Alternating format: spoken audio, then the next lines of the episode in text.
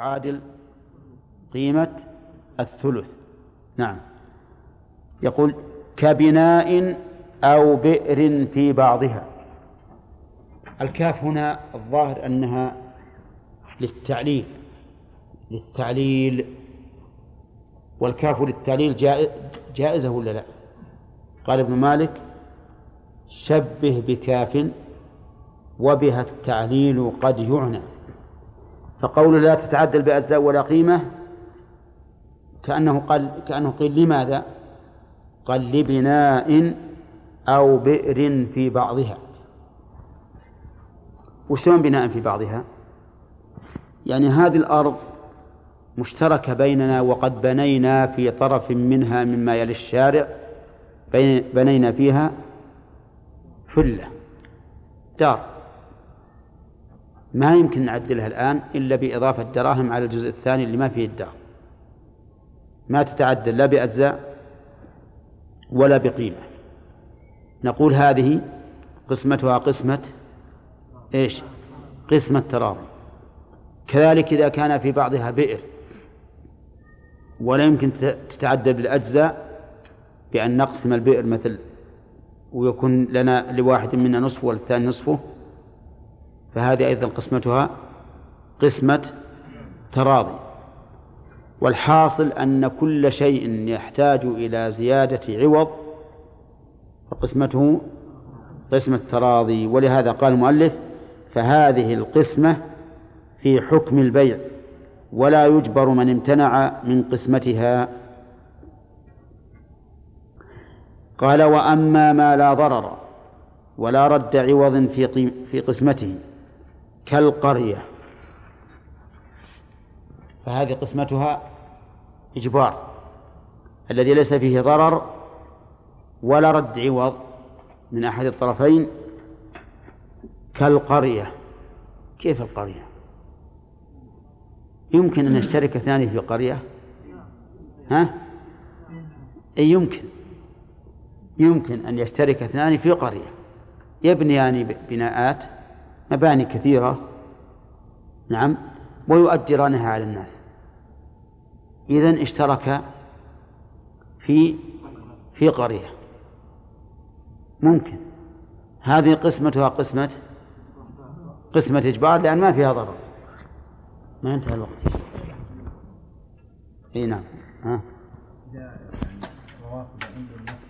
إيش؟ يعني المسجد إي. السنة والروافض مسجد واحد. وبعدين اختلفوا في الصلاه هل يقسم المسجد؟ المسجد ليس ملكا حتى يقسم. بس يقولون هذا يعني يقسموا عشان يصلوا على حالهم وديل يصلوا على لا لا ما يقسم. الواجب أنه يقال المسجد للمسلمين عموما. فاللي منكم مسلم يجب أن يصلي فيه.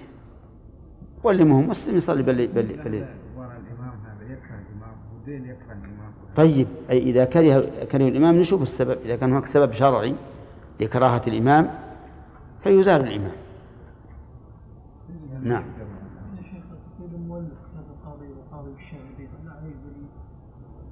إي نعم يقول لأن لأن هذا لأن هذا القاضي الكاتب كأنه يشهد هذين الرجلين يشهدهما فهما متحملان تحمل شهادة.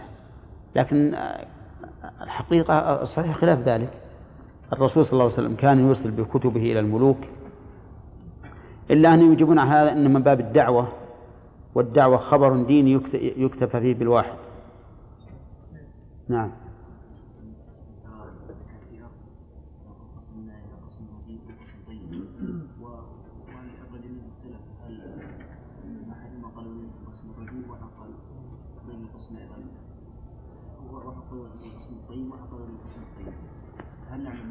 يبي إن شاء الله.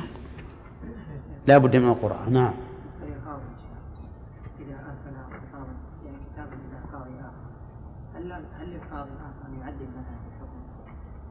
لا أبدا. القاضي المكتوب إليه ما يعدل في الحكم. ما دام الأول قد حكم به هذا ما عليه إلا التنفيذ. ما عليه. ما يجوز ينفذ. نعم. شيبة. القاضي المكتوب إليه الكاتب إذا حكم بشيء ودفعه إلى القاضي المكتوب إليه. لماذا لا نقول له أنت أحكم ولا تخاف لوم كلام الله يعني قلنا من خط قريب أو من؟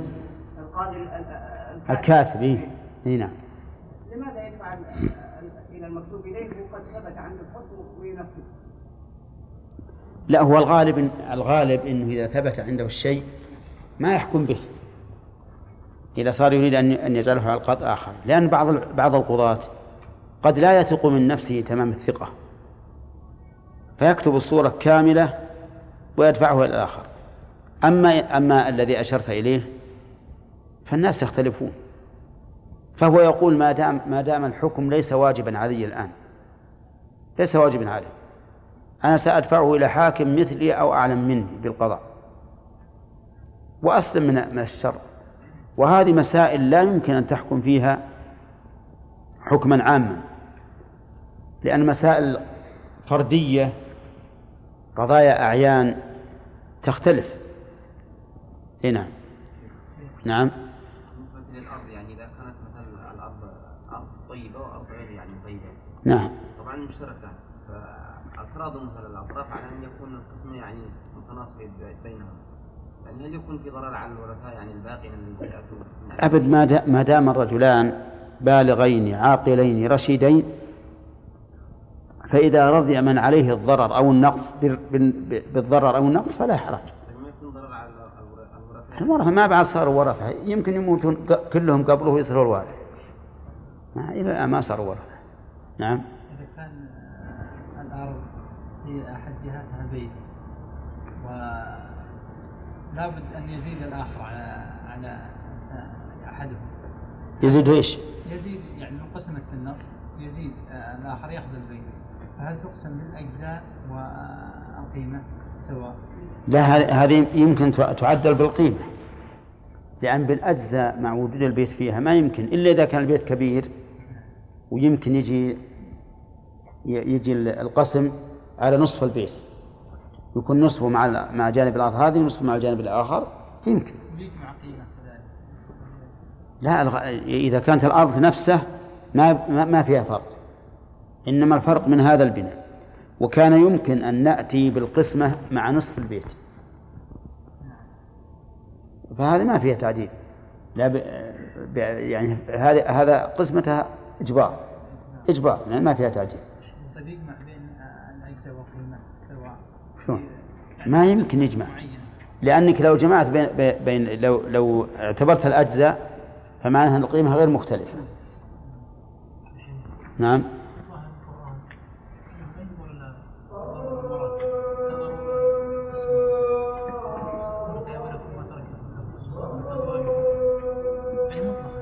لا لا. لا ما يستدل به. أن أحق ثابت. حق ثابت لكن هذا بالقسم. والضرر يمكن الخروج منه بأن تباع. تباع من بين الطرفين وكل واحد يأخذ نصيبه خلوا يدعي عليك وبعدين ننظر في في في موضوعكم. أما تدعي عليه إنه يدعي الحق له. هو اللي يدورك الآن. ما هو أنت اللي تدوره. لكن بعض العلماء يقول تسمع الدعوة المقلوبة. لأجل أن يكف عن أذيته. لأن هذا الخصم اللي بي يدي عليه.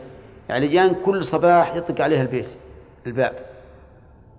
أعطني مثل في الريال اللي أنا أطلبك نعم؟ يمكن هذا ولا صحيح يا عليان المهم على كل حال يقول بعض العلماء إنها تسمع الدعوة المقلوبة لأجل إيش؟ دفع أذية المدعي. يقول أدي عليه حظروه يا اما يثبت علي ولا أبرأ منه أو وبعدين إذا جاء واعتدى علي هنا نعم. عرفتم؟ المذهب لا تسمع ولا يلتفت إلى هذا الرجل ويقال له رح وراك. إذا جاء ودع عليك نظرنا في قضيتك. أنه لا يوافق. أنه لا يوافق ولكن صحيح أن الحق له وأنه إذا طلب المتضرر القسمة وجب على الآخر الإجابة. طيب.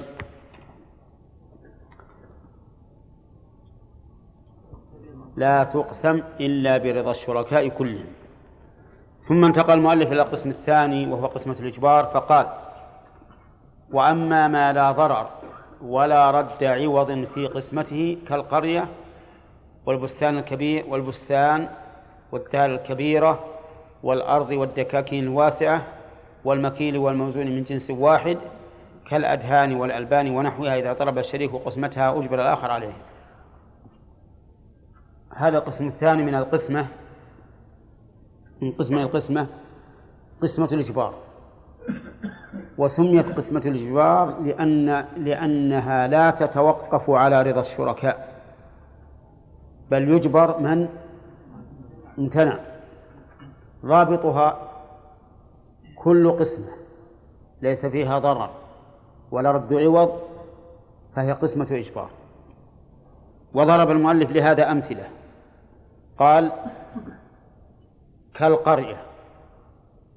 قرية هل يمكن أن تكون القرية بين شركاء؟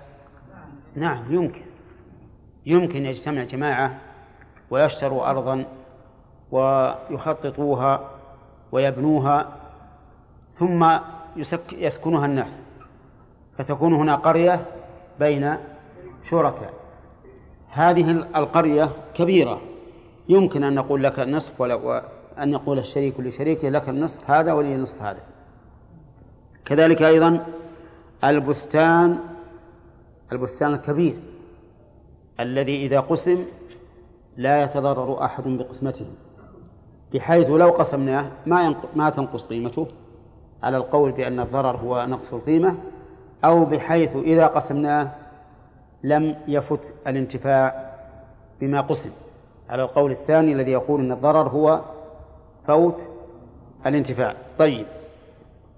يقول الدار الكبيرة. الدار الكبيرة ما تنقسم تنقسم بلا ضرر؟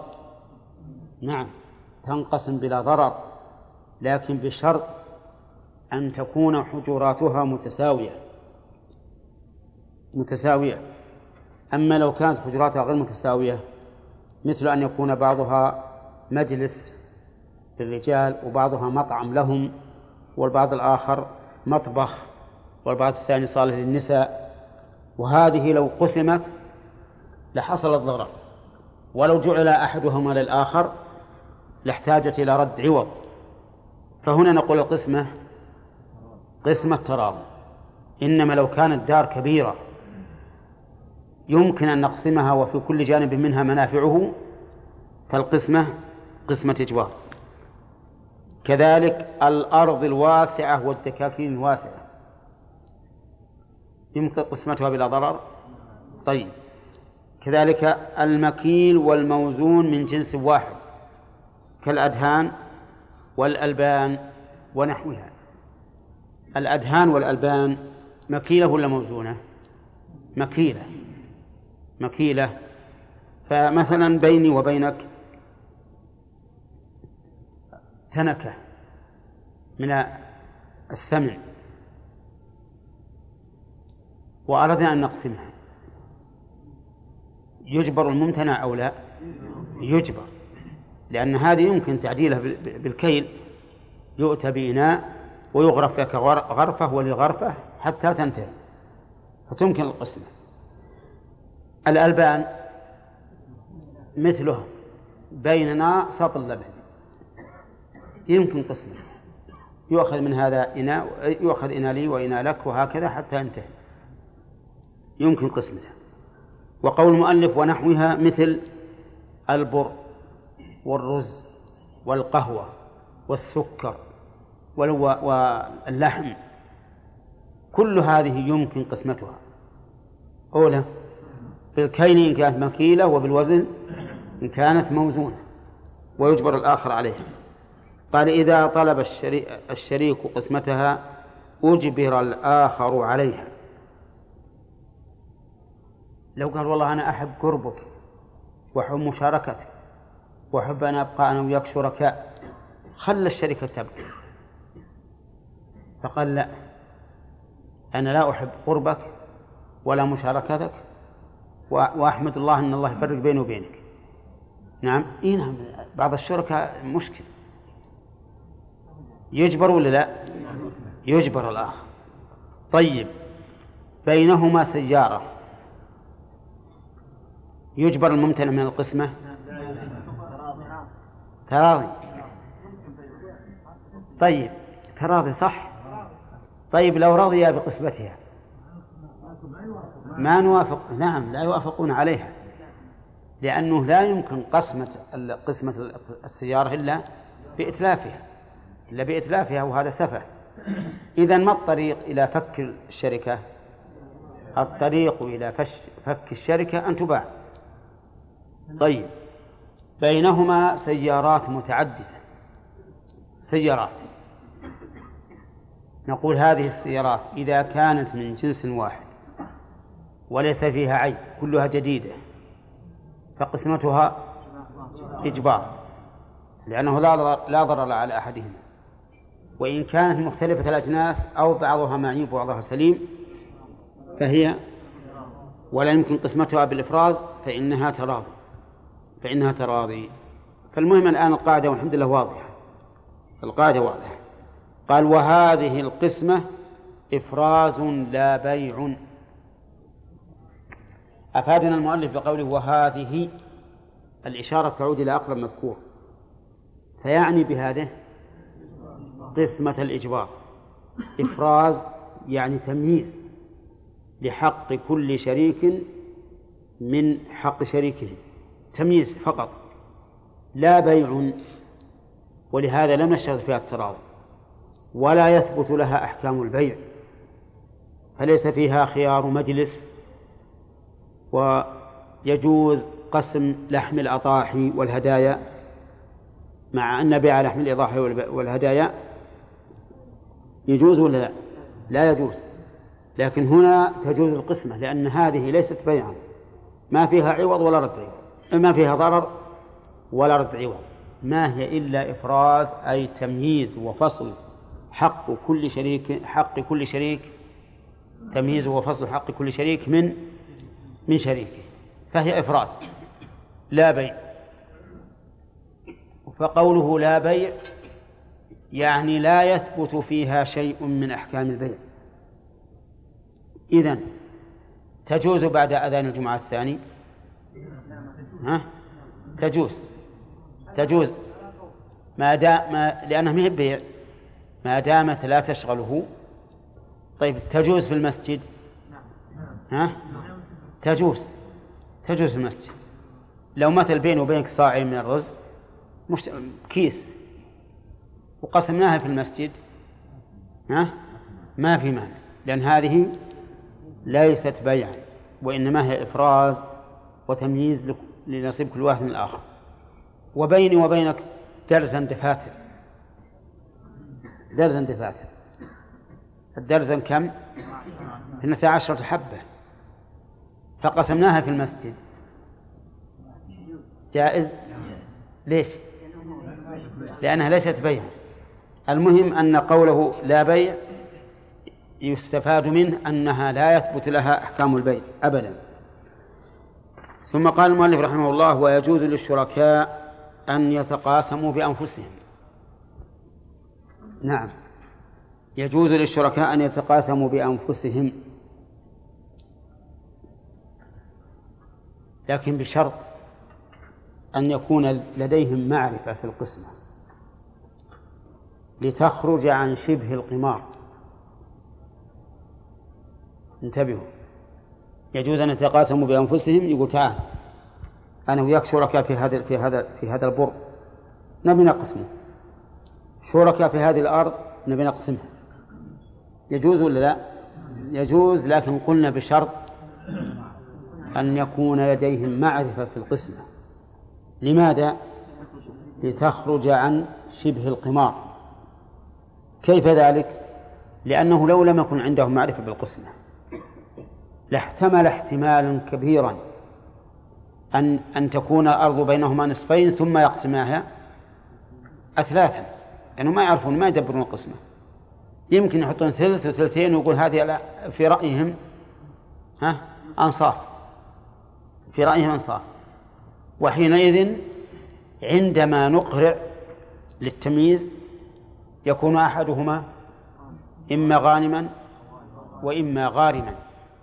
إن حصل له الثلثان فهو غانم وإن حصل له الثلث فهو غارم. إذا لا بد أن يكون لديهم معرفة. فإن قال نحن راضيان بذلك نحن راضيان. قلنا هذا لا يجوز حتى لو ولو رضيتم. لأن حتى المتسابقين فيما لا يجوز فيه السبق يقولان نحن متراضيان. حتى المتبايعان بيعا ربويا يقولان نحن متراضيان. ونحن لا يمكن أن يكون رضانا مخالفا لرضا الشرع بل لابد أن يكون تابعا. إذن نقول يجوز أن يتقاسموا بأنفسهم بشرط عجيب. أن يكون لديهم معرفة بالقسمة. قال أو بقاسم عندكم أو ولا وبقاسم؟ وبقاسم. يعني ويجوز أيضا أن يتقاسموا بقاسم ينصبونه أو يسأل الحاكم نصبه. ها؟ كيف؟ أو يسأل الحاكم نصبه. طيب. في كلام المؤلف لحن أين هو؟ يسأل حيث حذف النون بدون سبب للحذف. يا أخوان أنا عندي نسخة ما فيها. والنسخة الصحيحة ما فيها. لا يا أخي لا لا غلط. لا هي هي صفة للقاسم. هي صفة للقاسم. يعني بقاسم ينصبونه أو بقاسم يسألون الحاكم نصبه. ولكنه سبق لنا أن الأفعال الخمسة يجوز حذف نونها للتخفيف ولو بدون نصب أو جازم ومنه قول الرسول صلى الله عليه وسلم والله لا تدخلوا الجنة حتى تؤمنوا ولا تؤمنوا حتى تحابوا. والله لا تدخلوا ولو بقت ولو كانت على الأصل لقال لا تدخلون الجنة حتى تؤمنوا. ثم قال ولا تؤمنوا حتى تحابوا. طيب تؤمنوا الأولى وتؤمنوا وتحابوا. حذف النون فيها على الأصل.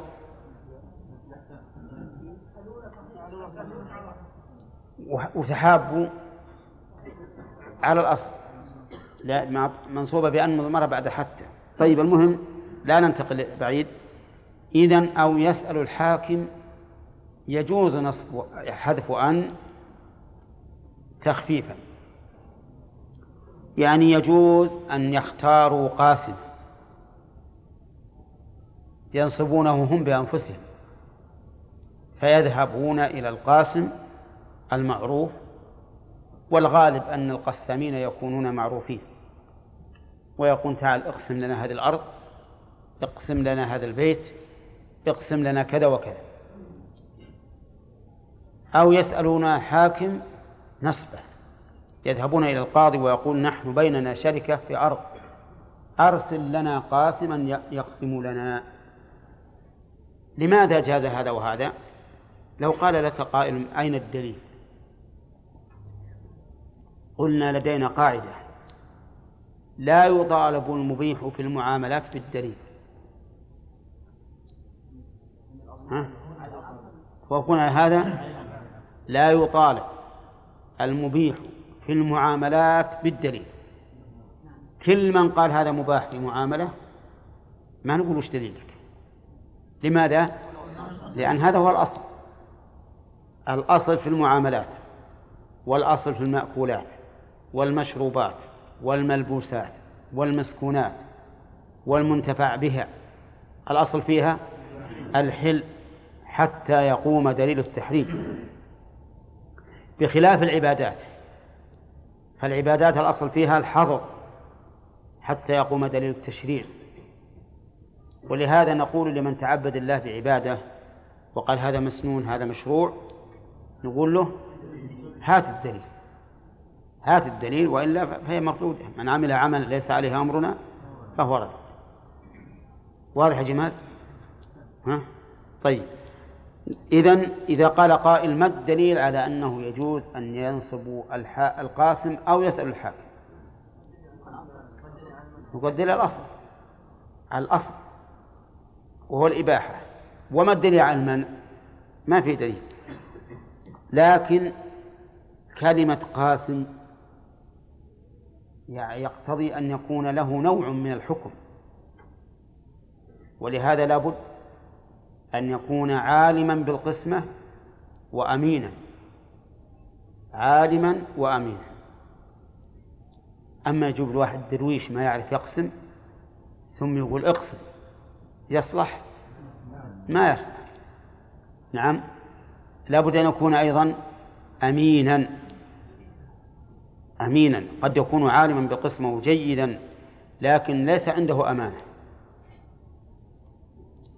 يرجح جانبا على آخر لأجل أن يحيله إلى شخص يحابيه به من أحد الشركاء.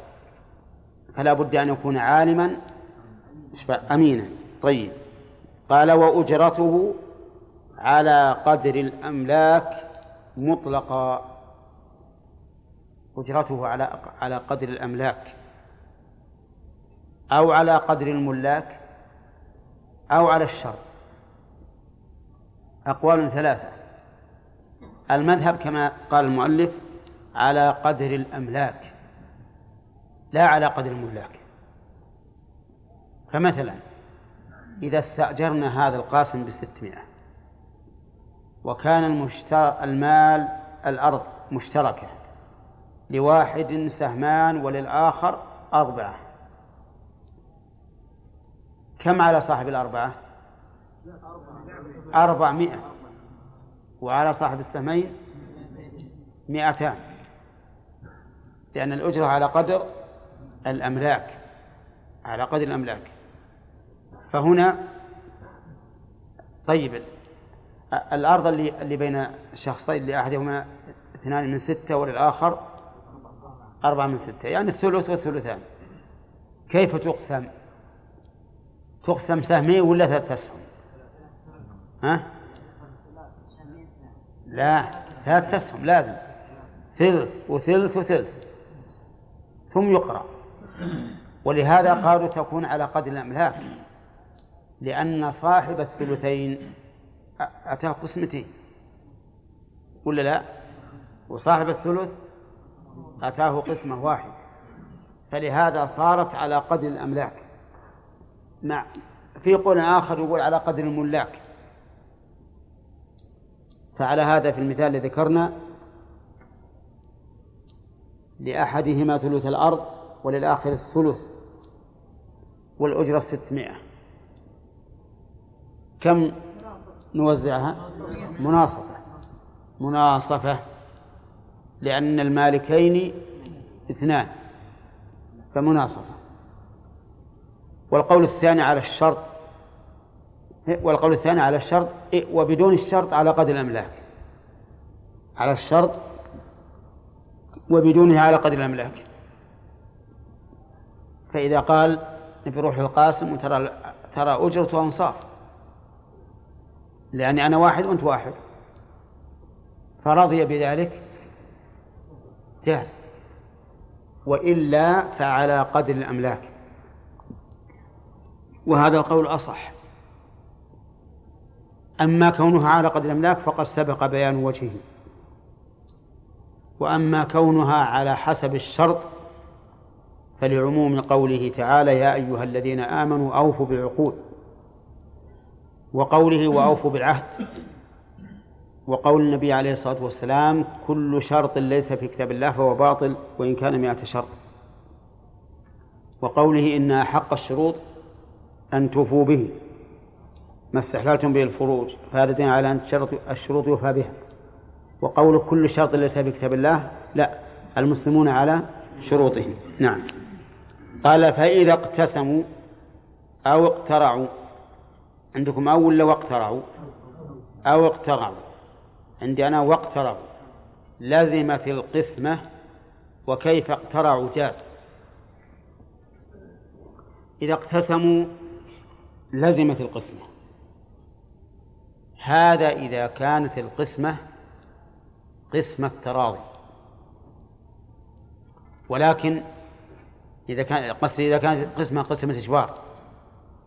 إذا كانت القسمة قسمة إجبار فإذا اقتسموا ورضي كل واحد منهم بها لازمت القسمة ولا خيار ولو كانوا في مجلس القسمة هذا في قسمة إيش؟ قسمة الإجبار يعني اقتسموا الآن وتراضوا وقال يا فلان هذا لك وهذا لي تلزم القسمة ولا فيها خيار لماذا؟ لأنها إفراز إيش؟ لا بيع أما إذا كانت قسمة تراضي فإنها لا تلزم بمجرد قسمة بل لهما الخيار ما دام في المجلس لماذا؟ لأنها بيع والبيع فيه الخيار قال النبي عليه الصلاة والسلام المتبايع يعني بالخيار ما لم يتفرقا ما أدري مفهوم ولا لا؟ ها؟ طيب بيننا أرض كبيرة قسمة الأرض الكبيرة قسمة ها؟ إجبار. يعني لو واحد امتنع يجبر. قسمناه الآن. قلت لك ماذا تريد؟ قال بهذا. الجانب الشرقي ولك الجانب الغربي. فقلت موافق. تلزم القسمة الآن. لو أراد يرجع وقال أنا أنا أريد نصيبك هونت. يجبر؟ يجوز يعني قصدي له الحق ولا لا؟ ليس له الحق. متى اقتسموا لزمت القسمة. والقسمة الآن هنا بيع ولا إفراز؟ إفراز. الآن أفرزت نصيبي من نصيبك وخيرتك. ما ما ترجع. طيب. أما إذا كانت القسمة قسمة تراضي لا يجبر أحدهما عليها. كدار صغيرة. دار صغيرة. عدلناها بالقيمة وجعلنا على الردي منها زيادة فلوس. جعلنا مع الردي منها زيادة فلوس. واقتسمنا. وقال أنا أريد الردي وتعطيني فلوس. قلنا ما يخالف. فهنا القسمة بيع ولا ولا إفراز؟ بيع. لكل واحد منا الخيار ما دمنا في المجلس. العلة. لأنها بيع. وقد قال النبي عليه الصلاة والسلام البيعان بالخيار ما لم يتفرقا. طيب. كذلك إذا اقترعوا. إذا نعم إذا اقتسموا واقترعوا. طيب إذا اقتسموا وتمت القسمة فلتمييز أحدهما فلتمييز نصيب أحدهما طريقان. إحداهما التخيير والثاني القرعة التخيير أخذنا مثاله. لما قسمت نصيبه ونصيبه لما قسمنا الأرض المشتركة قلت لك اختر. فتخيرت. هذا أظن المسألة فيه واضحة. طيب. قلت خيرني قال أنا مخيرك. خيرا أنت. قلت أنا مخيرك. كل واحد منا أبى أن يخير الآخر. وش نعمل؟ نلجأ إلى القرعة. الآن.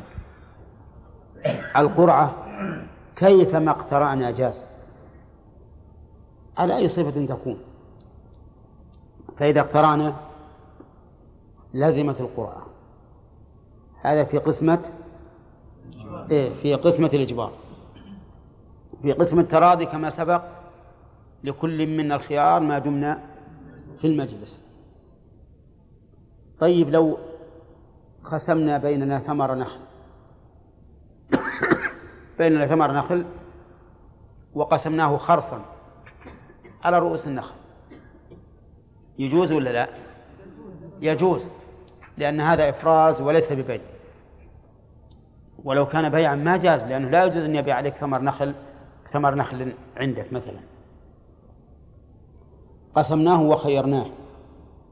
خير أحدنا الآخر فاختار المخير نصيبه ثم بعد ذلك رجع.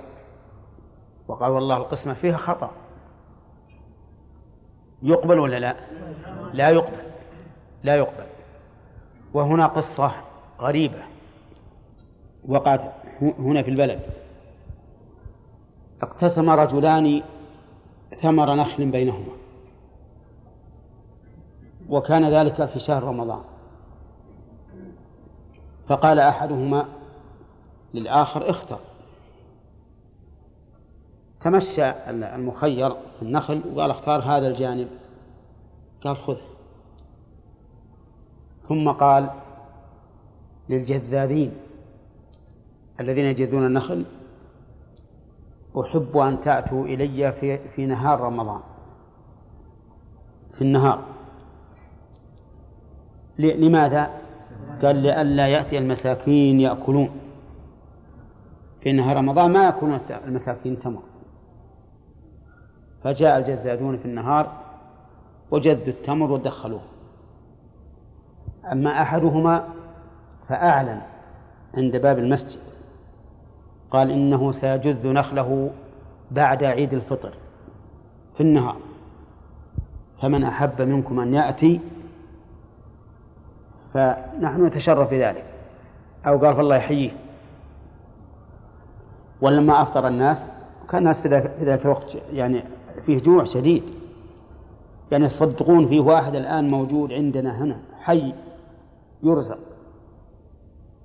يقول كان أبوه إذا أتى بالنوى تعرفون النوى؟ بالنوى العبس. نجتمع إليه ونحن صغار إذا وجدنا عبسة أو نواة فيها سلك أخذناها نمصها. إلى هذا الحد. هذا واقع يعني أصلا ما نعرف الأمور هذه. الحمد لله. الفقراء لما أفطروا رمضان صار في اليوم الثاني وجاء الجذاذ ذهبوا إلى هذا الرجل. وجعلوا يجذون النخل ويأكلون ويشبعون في ذلك الوقت الواحد يأكل ما شاء الله شيء كثير. نعم؟ نعم نعم لا ما يشبع أكلوا كثيرا. ودخل كثير سبحان الله العظيم. دخل كم من حمل؟ أكثر من من من حمولة صاحب الشريك اللي جذ في النهار في رمضان. فإدعى الغبن. الشريك الأول المخير ادعى الغبن والخطأ في القسمة. وقال أنا والله غبنت والقسمة خطأ. قال والله ما أسلم أنا خيرتك قسمنا جميعا وخيرتك ورجعت للنخل ومشيت فيه واخترت أنت تحاكموا إلى القاضي. قال ما القاضي وش القصة؟ قال والله ما خبرنا إلا أنه جذ في النهار في رمضان لئلا يأكل منه الفقراء. أما أنا فأخرته حتى أفطر الناس وجاءوا يأكلون ويشبعون. قال هذه العلة هذه العلة. والحمد لله أنه ما صار تملك حشف يعني الذي جذ في رمضان. كقصة أصحاب القرية. أي نعم أصحاب الجنة. ومباحثه قليلة أيضا. صار لا, يتحمل أن يجعل له ليلة كاملة مراجعة. ولهذا يمكن يراجع مع الدعاوي والبينات الدعاوي أو الدعاوى جمع دعوة جمع دعوة وهي في اللغة الطلب. قال الله تعالى ولهم فيها ما يدعون أي ما يطلبون. وأما في الاصطلاح فهي إضافة الشيء إضافة الإنسان لنفسه شيئا على غيره. هذه الدعوة. إضافة الإنسان لنفسه شيئا على غيره. سواء كان هذا الشيء عينا أو منفعة أو حقا فكله يسمى دعوة. والإضافة إما أن تكون إضافة الإنسان شيئا لنفسه على غيره فهذه إيش؟ دعوة. أن يضيف الإنسان شيئا لنفسه على غيره. يقول لي على فلان كذا. سواء كان هذا عينا أو منفعة أو حقا أو دينا. أربعة أشياء. فالإضافة ثلاثة أقسام. أن يضيف الإنسان شيئا لنفسه على غيره وهذه دعوة. أن يضيف الإنسان شيئا لغيره على نفسه وهذا إقرار. هذا إقرار. أن يضيف الإنسان شيئا لغيره على غيره وهذه شهادة. فهذه أنواع الإضافات. نحن الآن في النوع في النوع الأول وهي أن وهو أن يضيف الإنسان شيئا لنفسه على غيره. هذا الشيء إما عين وإما منفعة وإما دين وإما حق. أربعة أشياء. إما عين بأن يقول أدعي على فلان أن هذا الذي بيده من كتاب أو حقيبة أو غيره لي. هذا ادعى عين. منفعة أدعي عليه أني استأجرته لمدة شهر. هذه إيش؟ منفعة. دين أدعي عليه أن في ذمته لي مئة ريال. هذا دين. حق أدعي على يدعي فلان على فلان أنه قذفه. أنه قذفه. هذا له دين ولا عين ولا منفعة. ولكنه حق. وكذلك لو قال أدعي عليه استحقاق شفعة أو ما أشبه ذلك. المهم أن نقول في تعريف الدعوة إيش؟ إضافة الإنسان شيئا لنفسه على غيره. هذا الشيء إما عين أو دين أو منفعة أو حق. طيب. أما البينات فالبينات جمع بينة. وهي ما أبان الشيء وأظهره. وهي ما أبان الشيء وأظهره.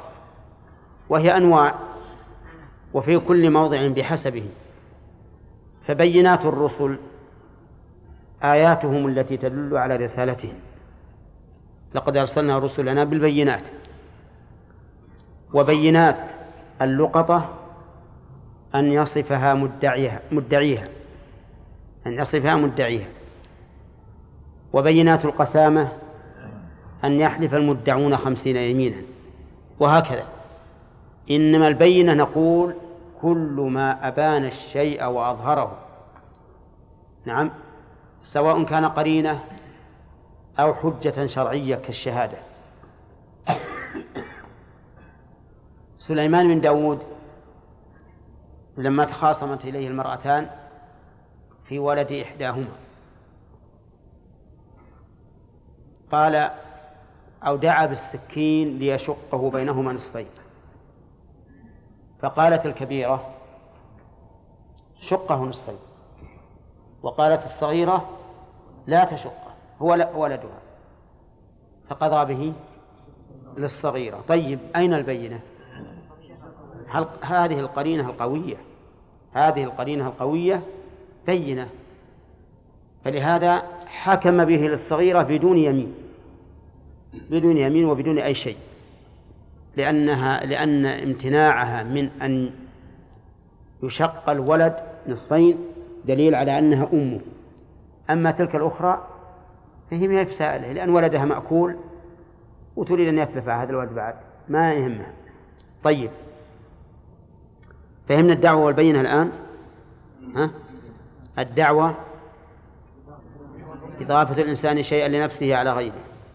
البينة كل ما أبان الشيء وأظهره وهو في كل موضع بحسبه فإما أن يكون حجة شرعية يجب قبولها وإما أن يكون قرينة يباح الأخذ بها.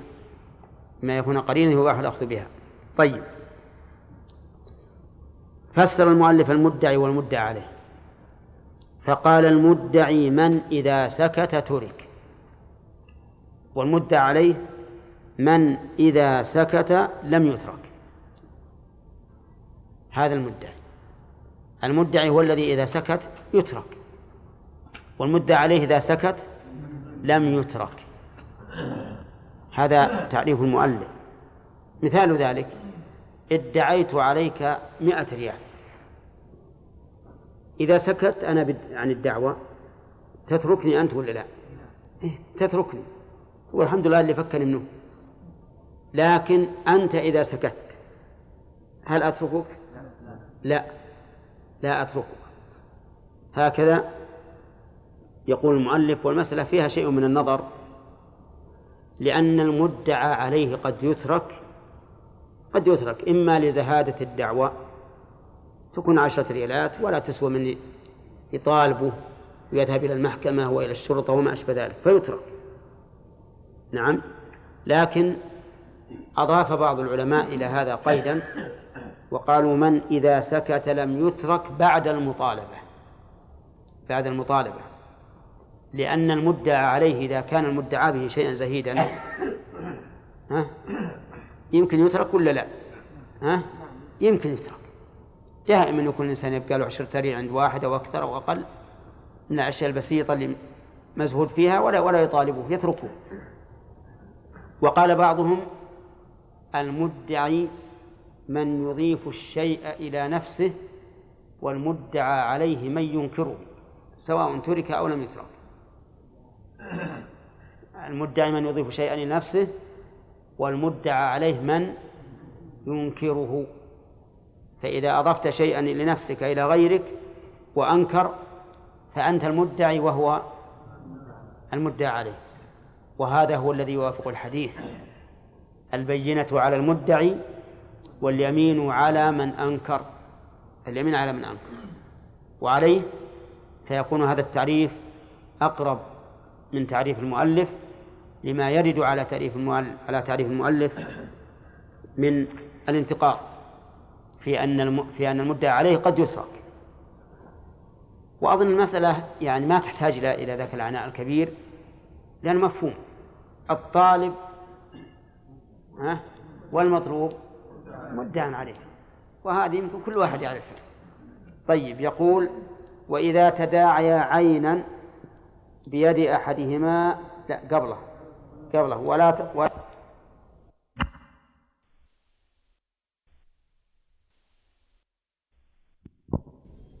تصح الدعوة ولا الإنكار إلا من جائز التصرف. لا تصح الدعوة ولا الإنكار إلا من جائز التصرف. وهو البالغ العاقل الحر الرشيد. هذا جائز التصرف. البالغ العاقل الحر الرشيد. فضد البالغ الصغير. هذا لا تصح منه الدعوة ولا الإنكار. إلا فيما يجوز له التصرف فيه. لأنه سبق لنا في البيع أنه يجوز تصرف الصبي والصغير بإذن وليهما في الشيء الزهيد اليسير.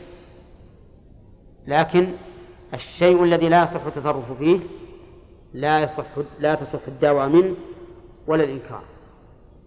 طيب إذا من يدعى عليه ومن ينكر؟ ومن يكون منكرا؟ وليه؟ وليه هو الذي يقيم الدعوى على من له على من عليه حق لهذا الصغير؟ إن الصغير لا بد له من ولي. فوليه هو الذي يقيم الدعوة له؟ ووليه أيضا هو الذي يتولى الإنكار فيما لو ادعى عليه. نعم. أما الصبي فلا يصح منه دعوة ولا إنكار. الشرط الثاني النصر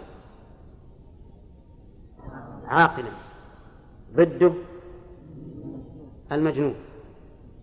ضده المجنون. فالمجنون لا يصح منه دعوة ولا إنكار. لا يصح منه دعوة ولا إنكار. لكن الدعوة عليه تصح ولا لا؟ كالصغير الدعوة عليه تصح. لكن الدعوة منه والإنكار ما يصح. من يتولى ذلك؟ وليه. الحر ضده العبد الرقيق فلا تصح منه دعوة ولا إنكار فيما لا يصح تصرفه فيه. أما ما يصح تصرفه فيه كطلاق امرأته مثلا فيصح الدعوة منه والإنكار. لكن الأمور المالية ما لا يصح منه إنكار دعوة ولا إنكار. لأن العبد لا يملك والمال الذي بيده لسيده. قال النبي صلى الله عليه وسلم من باع عبدا له مال فماله لبائع إلا أن يشترطه المبتاع إذا كان المال الذي بيده ليس له وإنما هو لوليه فإنه لا يصح منه دعوة ولا إنكار لأنه لا يملك هذا المال. الشرط الرابع جاز التصرف الرشيد. الرشيد. الرشيد هو الذي يحسن التصرف في ماله. في هذا الموضع هو الذي يحسن التصرف في ماله. ضده السفيه الذي يبذل ماله في المحرم أو في غير فائدة. في المحرم كإيش؟ كالدخان. في غير فائدة ها؟ مثل العلماء قال يشتري نفط ويعلز. نفط نفط نفط يعني بترول يعني بترول. نعم. يشري غاز يشري غاز. نعم. ويعنس نعم. هذا يقول إنه ليس برشيد لأنه يبذل ماله في فيما لا فائدة فيه. كذا؟ والنبي عليه الصلاة والسلام نهى عن إضاعة المال. وإضاعة المال صرفه في محرم أو فيما لا فائدة فيه. طيب اذا لا تصح الدعوة إلا من ها؟ إلا من جائز التصرف وكذلك الإنكار. وغير جائز التصرف يقوم وليه مقام.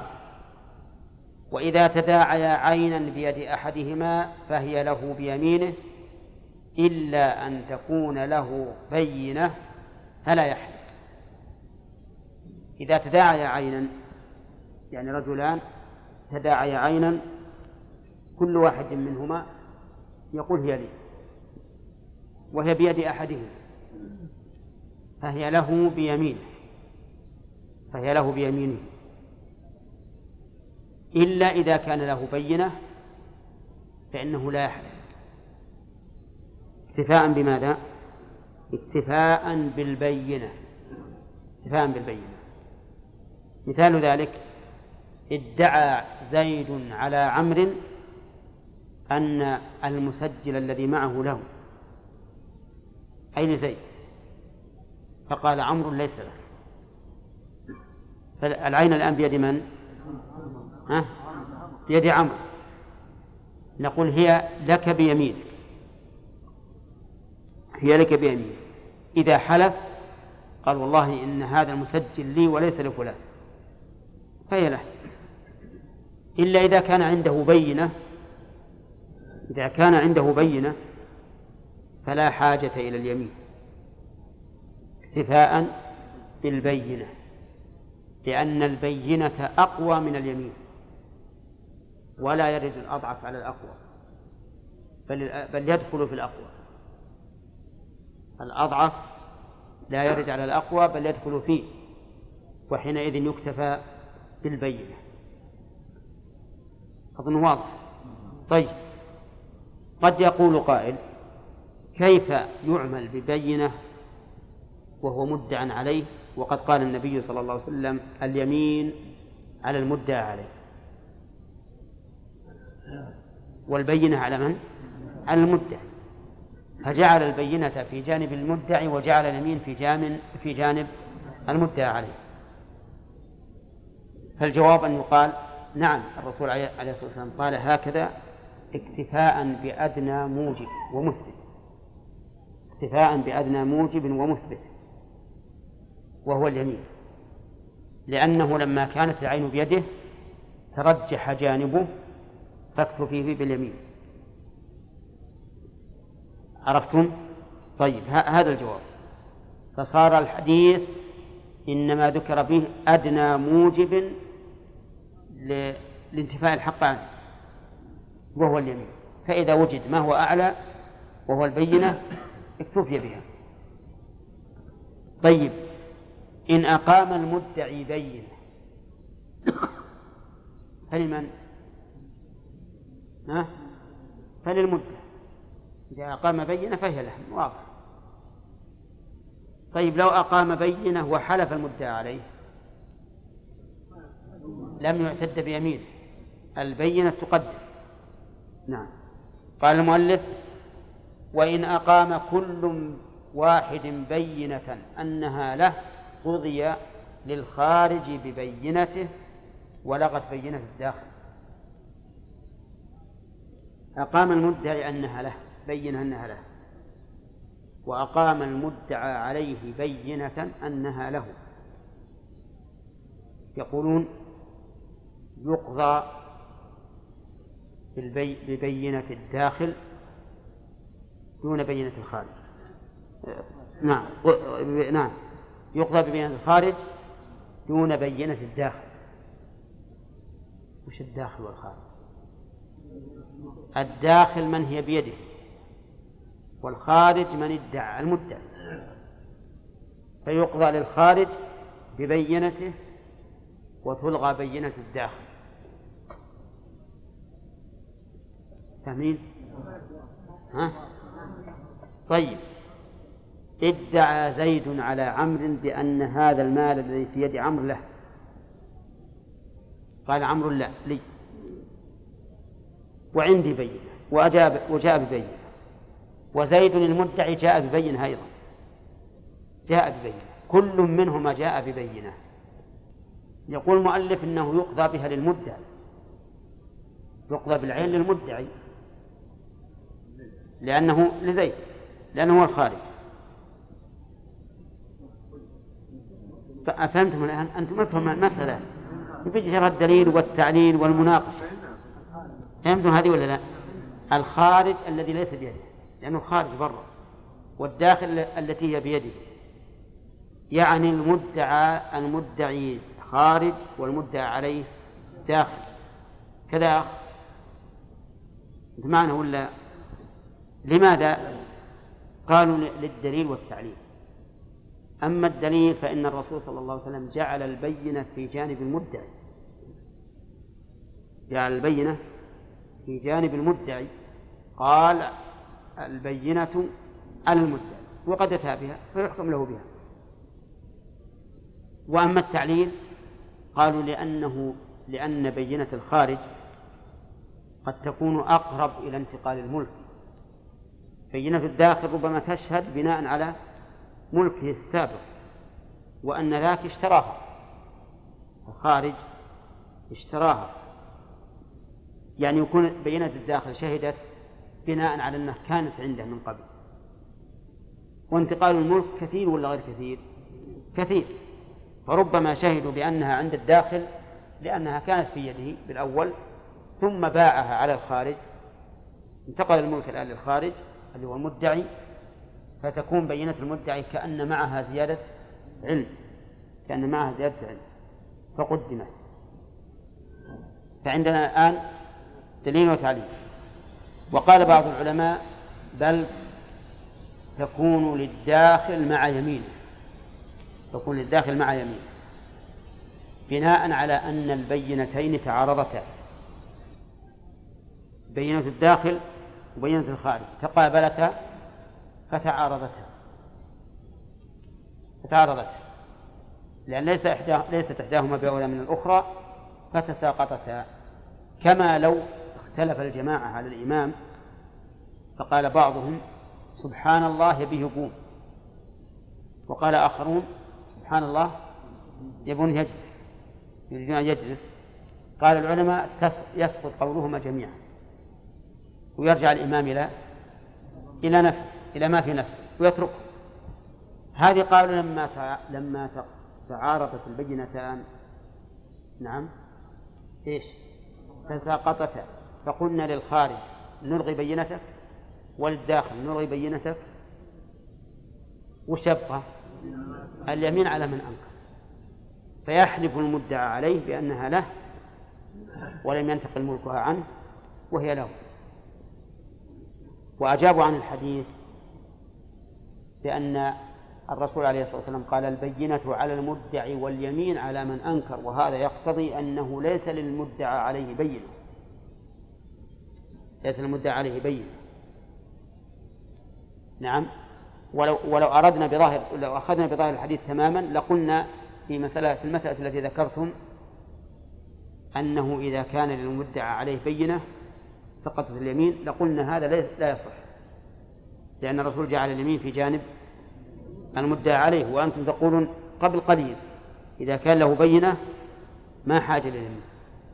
فتبين أن الرسول عليه الصلاة والسلام أراد صلوات الله وسلامه عليه أراد دعوى فيها بينة للمدعي وليس فيها بينة لمن؟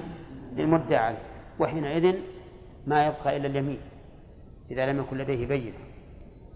ولم يرد الرسول عليه الصلاة والسلام إذا تعارضت البينتان فإن مقتضى الشرع القيام بالعدل. فنقول القيام بالعدل أن نقول كل بينة ها عارضت الأخرى فأسقطتها فيبقى كأن الرجلين ها؟ ليس معهما بينة وحينئذ نرجع إلى الأصل ونقول للمدعى عليه وهو الداخل احلف فإذا حلف استحق. يعني قضي قضي بأن العين التي بيده له وألغيت الدعوة. وهذا القول عليه كثير من أهل العلم عليه كثير من أهل العلم. وهو أقرب إلى النظر أقرب في النظر من الأول لأن نقول إن البينتين تساقطا. بقي أن يقال دعوى أنه انتقل الملك. نقول الأصل عدم الانتقال. الأصل عدم الانتقال. فانتقال الملك لا شك أنه كثير لكن الأصل عدمه وحينئذ تبقى اليد في, في تبقى العين في يد المدعى عليه مع مع اليمين. الخلاصة الآن انتهى من الباب الخلاصة الآن فهمنا تفسير الدعوة. ها. والبينة. شلون؟ الدعوة والبينة. و والمدعي والمدعي والمدعى عليه. وإذا تعارضت البينتان فما الحكم؟ طيب. ثم قال المؤلف كتاب الشهادات. الشهادات جمع شهادة. جمع شهادة. وأصلها من شهد يشهد الشيء إذا حضره ونظر إليه بعينه. هذا الأصل. قال الله تعالى إلا من شهد بالحق وهم يعلمون.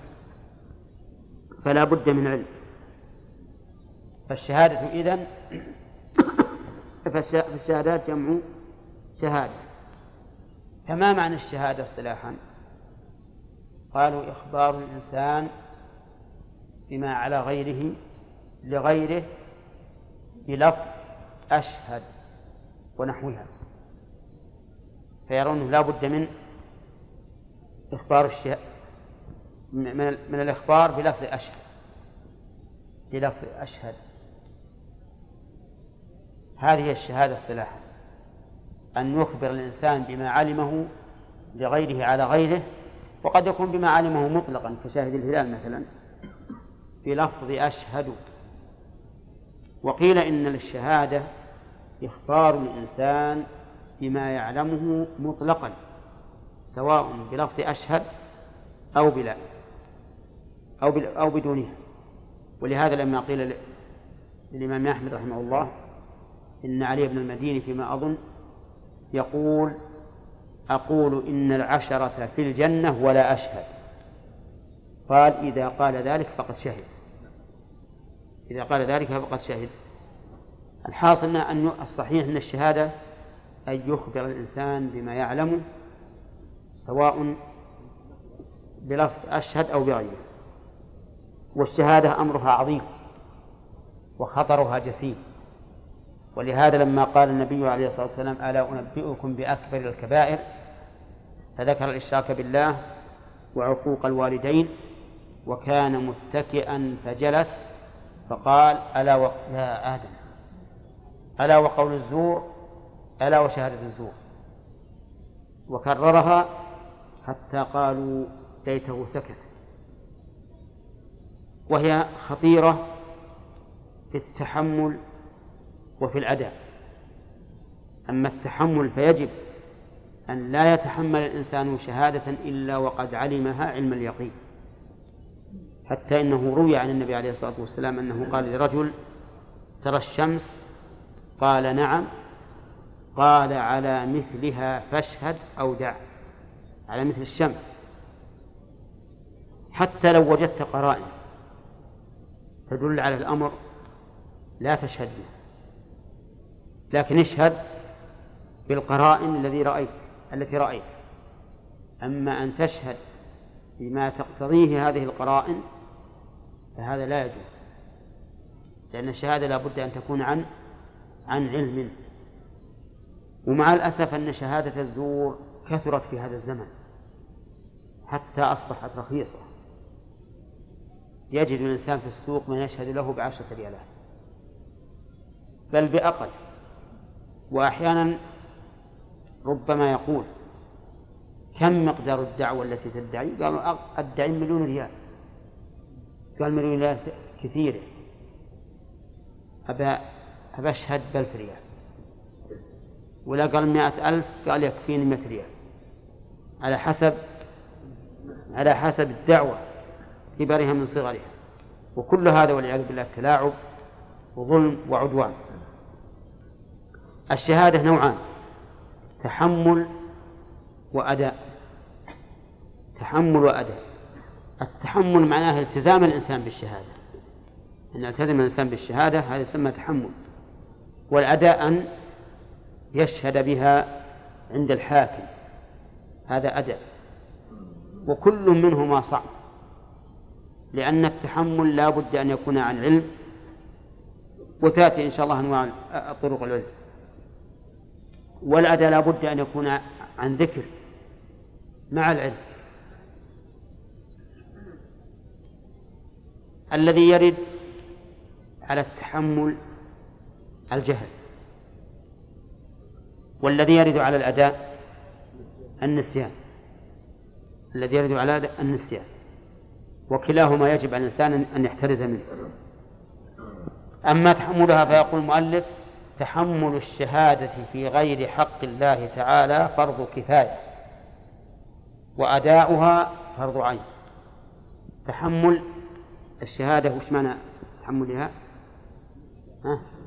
الالتزام بها مو أداء الالتزام بها. هذا في غير حق الله فرض كفاية. فإذا طلب منك شخص أن تشهد على إقرار زيد بحق له وجب عليك أن تشهد نعم فالشهادة فرض كفاية. إن قام بها من يكفي سقطت عنه وإلا وجب عليه ولهذا قال وإن لم يوجد إلا من يكفي تعين عليه. إن لم يوجد إلا من يكفي تعين عليه. طيب دعاك شخص لتشهد على إقرار زيد بحق له ولا في المكان غيره يجب أن تجيب ها؟ ليش؟ لأنه ما في غيره ما في غيره ما في من يقوم بالكفاية طيب دعاك إلى أن تشهد ومعه شاهد واحد ها؟ يجب ولا لا؟ يجب. يجب. فإذا قال معك شاهد قال نعم لكن الشاهد يكفي قال لك الشاهد مع يمينك كافي. الشاهد مع يمينك كافي. ماذا يقول؟ يقول أولا هذه مسألة خلاف وأخشى أن نتحاكم إلى قاض لا يرى هذا الرأي فيضيع حق الثاني أن اليمين الذي يحكم به. هذا لا يكون إلا عند الضرورة فإذا وجد من يشهد فلا حاجة لليمين.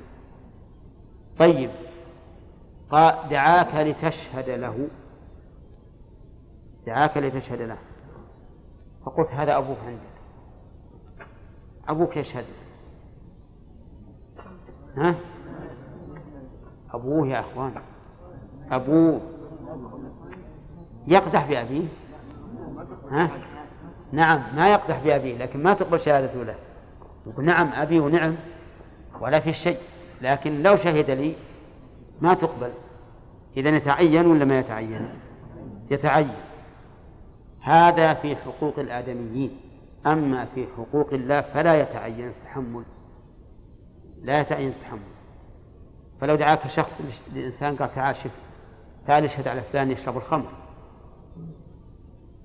فإنه لا يجب عليك أن تتحمل الشهادة.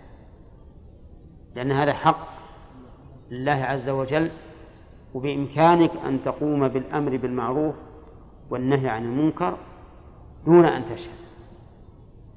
دون أن تشهد.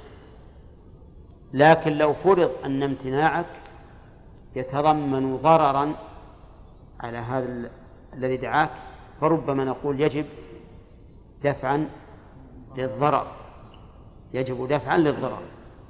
أما إذا لم يكن ضرر فإن تحملها في حق الله ليس بواجب. طيب لماذا؟ يقولون لأن هذا لا يضر حق آدم. إنما هو من باب الأمر بالمعروف والنهي عن المنكر. والستر على فاعل المحرم أو على العاصي قد يكون أفضل من إظهاره وإعلانه. وهذا يختلف بحسب الحال. طيب يقول المؤلف وإن لم يوجد إلا من يكفي تعين عليه. طيب الدليل. قال الله تعالى ولا يأبى الشهداء إذا ما دعوا. فقال لا يأبى الشهداء إذا ما دعوا. وهذه الآية قد يعارض فيها معارض. قد يعارض فيها معارض. كيف؟ يقول إن الله قال ولا يأبى الشهداء إذا ما دعوا. وهذا في الأداء ولا في التحمل؟ في الأداء واضح. لأن الرجل المدعو شاهد لا شك. فلا يأبى الشهداء إذا ما دعوا. ولكن قد يقول قائل كما استدل به الأصحاب إن الشهيد هنا يشمل من شهد بالفعل ومن دعي ليشهد فهو شهيد لأنه دعي للشهادة. ولنا أن نثبت هذا أيضا بالقياس لأن الله قال ولا يأبى كاتب أن يكتب كما علمه الله. فليكتب. وأيما أشد الكاتب ولا الشاهد؟ ها؟ أيهم أشد الكاتب. الكاتب يحتاج إلى تعب وعمل. هذا ما يحتاج إلى تعب ولا عمل. غاية ما هنالك أن يطلع فيضبط الشهادة. نعم. قال وأداؤها فرض عين على من تحملها. متى دعي إليها؟ قال أداؤها فرض عين. على من تحملها. الأداء معناه؟ إيش معنى الأداء؟ إثبات الشهادة عند القاضي مثلا. فإذا تحمل الشهادة وجب عليه أن أن يشهد. لقوله تعالى ولا تكتموا الشهادة ومن يكتمها فإنه آثم قلبه. فحكم الله عز وجل بإثم قلب الإنسان الذي لم يكتم الذي كتم وأضاف الإثم إلى القلب لأن لأن شهادته لا يعلمها إلا الله عز وجل من الجائز أن ينكر الكاتم منكر. فكأن فلما كان الإنكار إنكار الشهادة وهو يعلم أنه شاهد محله القلب قال ومن يكتمها فإنه آثم قلبه. وقال بعض العلماء أداؤها فرض كفاية. أداؤها فرض كفاية. ويظهر أثر الخلاف فيما لو أشهد عشرة. وتحملوا الشهادة. وتخاصم مع خصمه تحاكم مع خصمه القاضي. فذهب إلى اثنين من العشرة وقال إني حاكمت خصمي فاذهب معي لأداء الشهادة.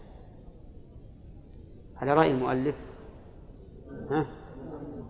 يتعين يتعين أن يذهب معه. يتعين. وعلى القول بأنه فرض كفاية لا يتعين. لأن يقولان له اذهب إلى ثمانية آخرين غيره. يشهد يشهدون معنا أشهد اطلب اثنين منهم. ولكن الصحيح أن ما ذهب إليه المؤلف أنه إذا دعي إليها وجب عليه عينا أن يشهد. لأننا لو قلنا بجواز أن يحول الشهادة إلى الآخرين وراح اثنين من الثمانية قالوا معنا أربعة باقين راح لاثنين قالوا باقي اثنين.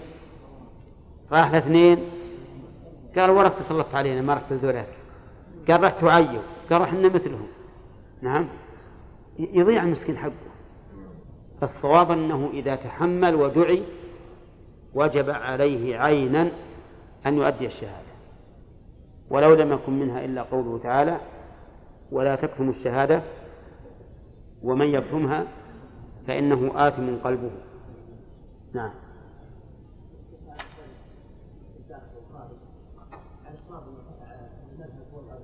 نعم.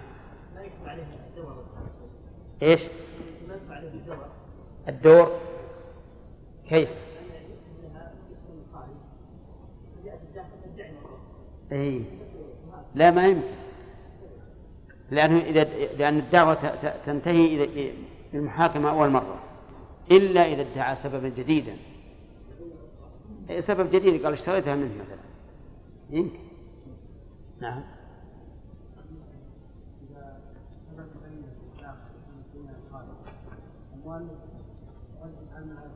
نعم.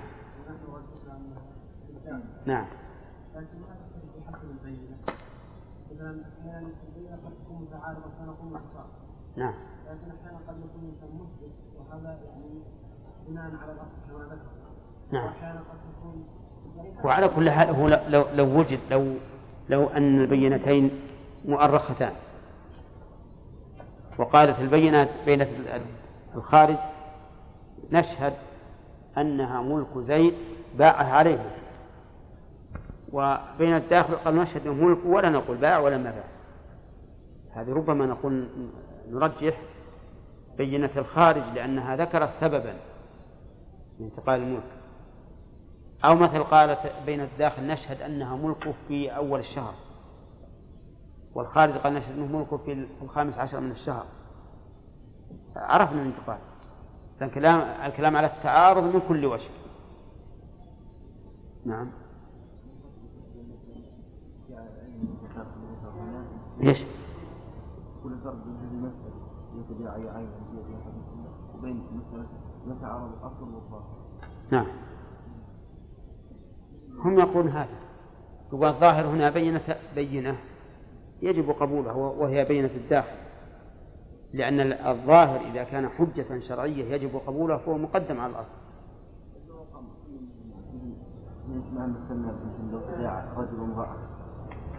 نعم هذيك ما في بين ما عندنا حجة شرعية يجب قبولها. هنا قالوا لأن الحجة الشرعية اللي هي البينة تمحو كل كل قرينة كل سبب. نعم. صورة ادعاء المنفعة؟ ما تعرفها؟ ما مثلنا بها. بالإشارة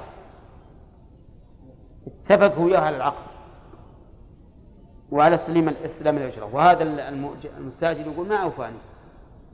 إلى الآن أنا أطالبه بالمنفعة نعم شيبة. اللهم صل وسلم نعم. لماذا نطالب المساء عليه في البينة وإحنا يكفينا يمين؟ لا نحتاج لبينة حتى لو وجدت ما لها سبب الوجود الآن هو طار جاي أتى بها. أتى بها الآن. لما جاب ذاك بينة وشافنا تبي تأخذ منها العين قال أنا عندي شهود. شهود مع يميني. اي نعم ها؟ يكفي لو, لو ما كان فيه بينة. اليمين يكفي إذا لم يكن بينة. إذا لم يكن للمدعي بينة كفت اليمين.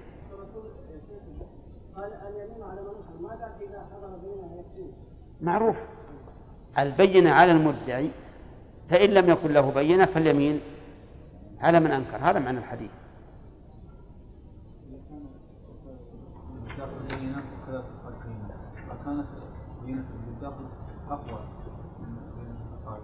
إيه.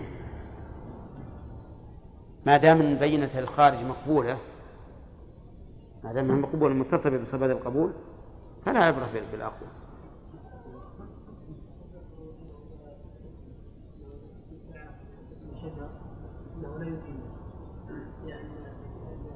الشجر فرع تابع هي قسمة الشجر ما هي قسمة الثمر. هي. نعم. نعم. لا هذا لابد من مراعاته يرجع إلى الأصل. نعم. نعم إبراهيم أحدهما سواء نقص القيمة سواء جائز. نعم. ولكن إذا كان لم يستفيد نعم. مال ذلك إضاعة مال. أي نعم. لأنه في هذه الحال يقولون إنه له أن يهبه إطلاقا وما أضاع المال الآن لو ضمه لو اشتراه صاحب الأسهم الكثيرة جاز هو إضاعة مطلقة أما أما نعم لو أنه هو مستفيد إطلاقا قلنا نمنعه لأنه إضاعة مال. نعم. نعم يا خالد.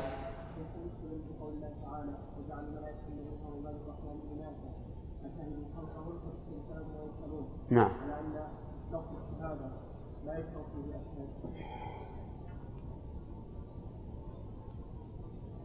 يمكن يمكن. يمكن. يستدل بالآية على أنه ما يشرط بها أشياء. نعم.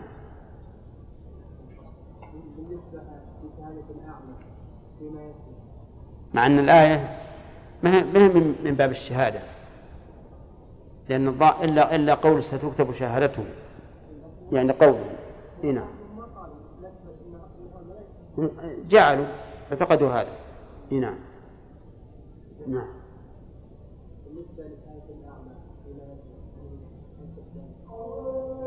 إيه تقبل. فيما برق السمع الله أكبر وسبق لنا أن الشهادة لها تحمل وأداء فالتحمل الالتزام بها. والأداء هو الشهادة بها عند الحاكم مثلا.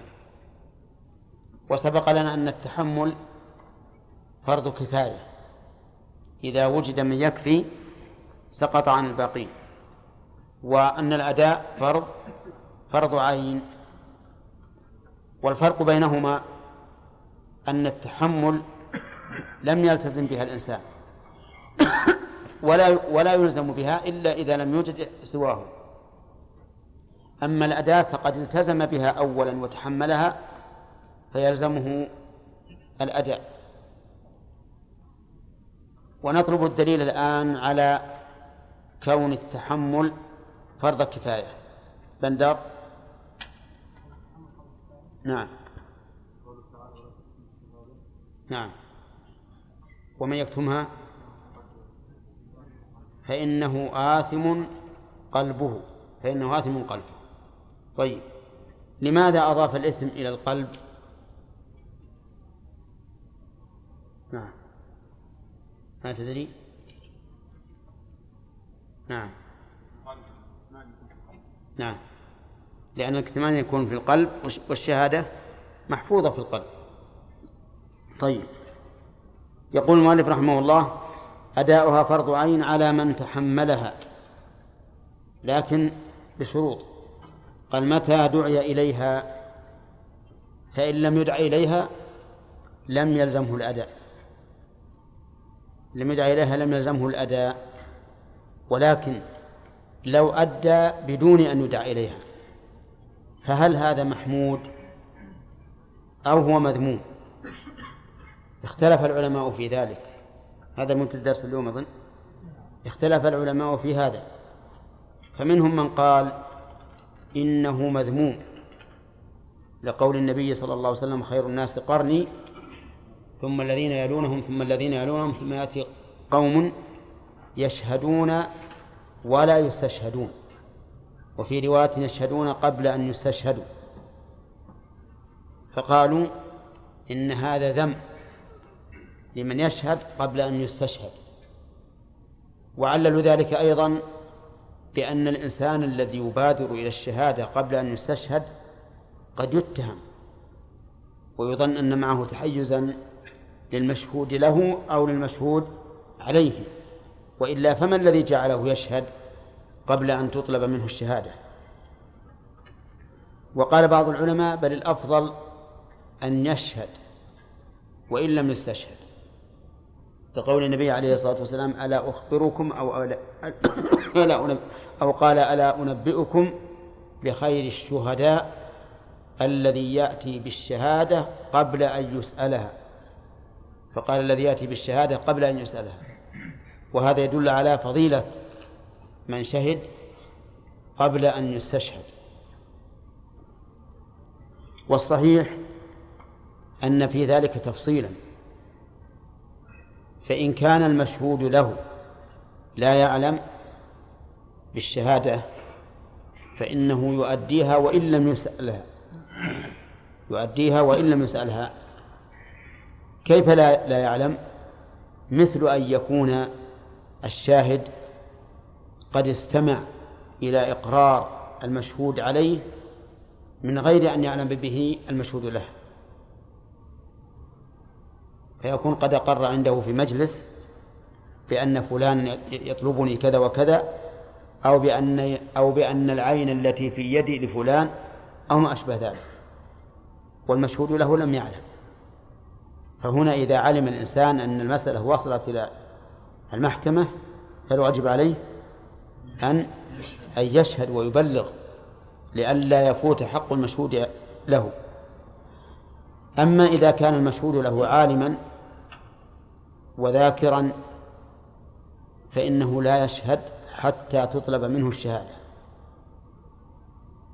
حتى تطلب منه الشهادة لأنه إذا تعجل فقد يتهم قد يتهم في شدة محاباته للمشهود له أو معاداته للمشهود عليه.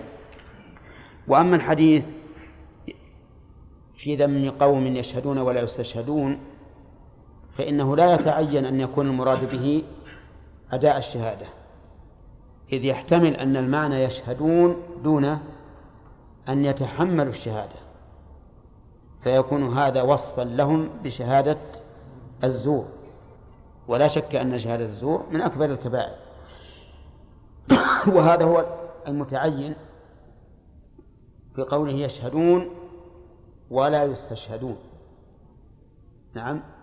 وأما قوله يشهدون قبل أن يستشهدوا فتحمل على قوله يشهدون ولا يستشهدون. فالتفصيل الذي ذكرنا هو المتعين. أن يقال إذا كان لدى المشهود له علم بشهادته أجب. فلا يشهد حتى يطلب منه ذلك. وإلا فعليه أن يبين ويشهد. قال متى دعي إليها؟ ثانيا وقدر. الشرط الثاني أن يكون قادرا على الأداء. فإن كان عاجزا فإنه لا يلزم. لقول الله تعالى فاتقوا الله ما استطعتم. وقوله لا يكلف الله نفسا إلا وسعها. ومن القواعد المقررة المأخوذة من هذه الآية أنه لا واجب مع عجز لا واجب مع عجز. وعلى هذا فإذا كان عاجزا عن أدائها فإنه لا يلزمه للعجز. الشرط الثالث انتفاء الضرر ولهذا قال بلا ضرر في بدنه أو عرضه أو ماله أو أهله. فإذا كان عليه ضرر في بدنه بأن خاف أن يضرب حتى يتضرر أو في عرضه بأن خاف أن يغتابه المشهود له المشهود عليه أو ما أشبه ذلك. أو ماله بأن خاف أن يحرق دكانه أو تكسر زجاج سيارته أو ما أشبه ذلك فهذا ضرر في المال. أو أهله بأن خاف أن يؤذى ولده أو زوجته أو أبوه أو ما أشبه ذلك. فإذا خاف الضرر فإنه لا يلزمه لا التحمل ولا الأداء في ظاهر كلام المؤلف. ونحن نقول أما في البدن والمال والأهل فمسلم. أنه إذا خاف الضرر في هذه الأشياء الثلاثة فإن الواجب يسقط عنه. واجب الشهادة تحملا أم أداء؟ لما أشرنا إليه من الآية وهي؟ ها؟ لا يكلف الله نفسا إلا وسعها. فاتقوا الله ما استطعتم. وأما العرض فالعرض ينظر إذا كان الضرر من المشهود عليه فإن الغالب أنه لا يتضرر به. الغالب أنه لا يتضرر به. حتى إذا اغتابه عند الناس فإن الناس لا لا يقيمون وزنا لغيبته. لماذا؟ لأنه مشهود عليه؟ يقول طيب ما ما اغتاب إلا لأنه شهد عليه. ولا يؤثر. شيء شاهد. أما إذا كان الضرر كبيرا بحيث يتأثر عرضه وتسقط عدالته عند الناس وما أشبه ذلك فقد يسلم كلام المؤلف رحمه الله. فالعرض إذن فيه فيه تفصيل. إذا كان الضرر محققا وكبيرا فهذا قد يسقط الواجب من أداء من أداء الشهادة وتحملها إذا كان الضرر لا ليس كبيرا أو قد لا يوجد ضرر أبدا مثل أن يكون انتهاك العرض من المشهود عليه فإن ذلك إيش؟ لا يمنع من وجوب الشهادة تحملا أو أداء. فالشروط إذن ثلاثة. أن يدعى إليها وأن يكون قادرا وانتفاء الضرر. قال وك وكذا في التحمل. كذا في التحمل يعني أنه يشترط انتفاء الضرر. طيب وهل يشترط القدرة في التحمل؟ نعم يشترط.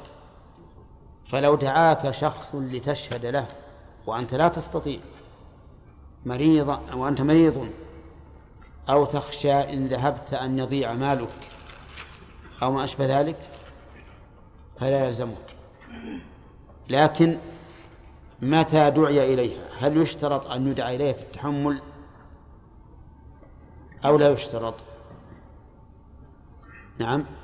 يعني هل يشترط أن أدعوك وأقول تعال اشهد على نطق فلان أو على فعل فلان أو لا يشترط بحيث إنك إذا سمعت أو رأيت وجب عليك أن تتحمل. نعم. الظاهر الثاني وأن الإنسان متى رأى أو سمع وجب عليه أن يحفظ ما سمعه أو شهده من أجل أن يؤديه إذا دعي إلى ذلك. قال المؤلف ولا يحل كتمانها. لا يحل كتمانها أي كتمان الشهادة. لما سبق من قوله تعالى ومن يكتمها فإنه آثم قلبه.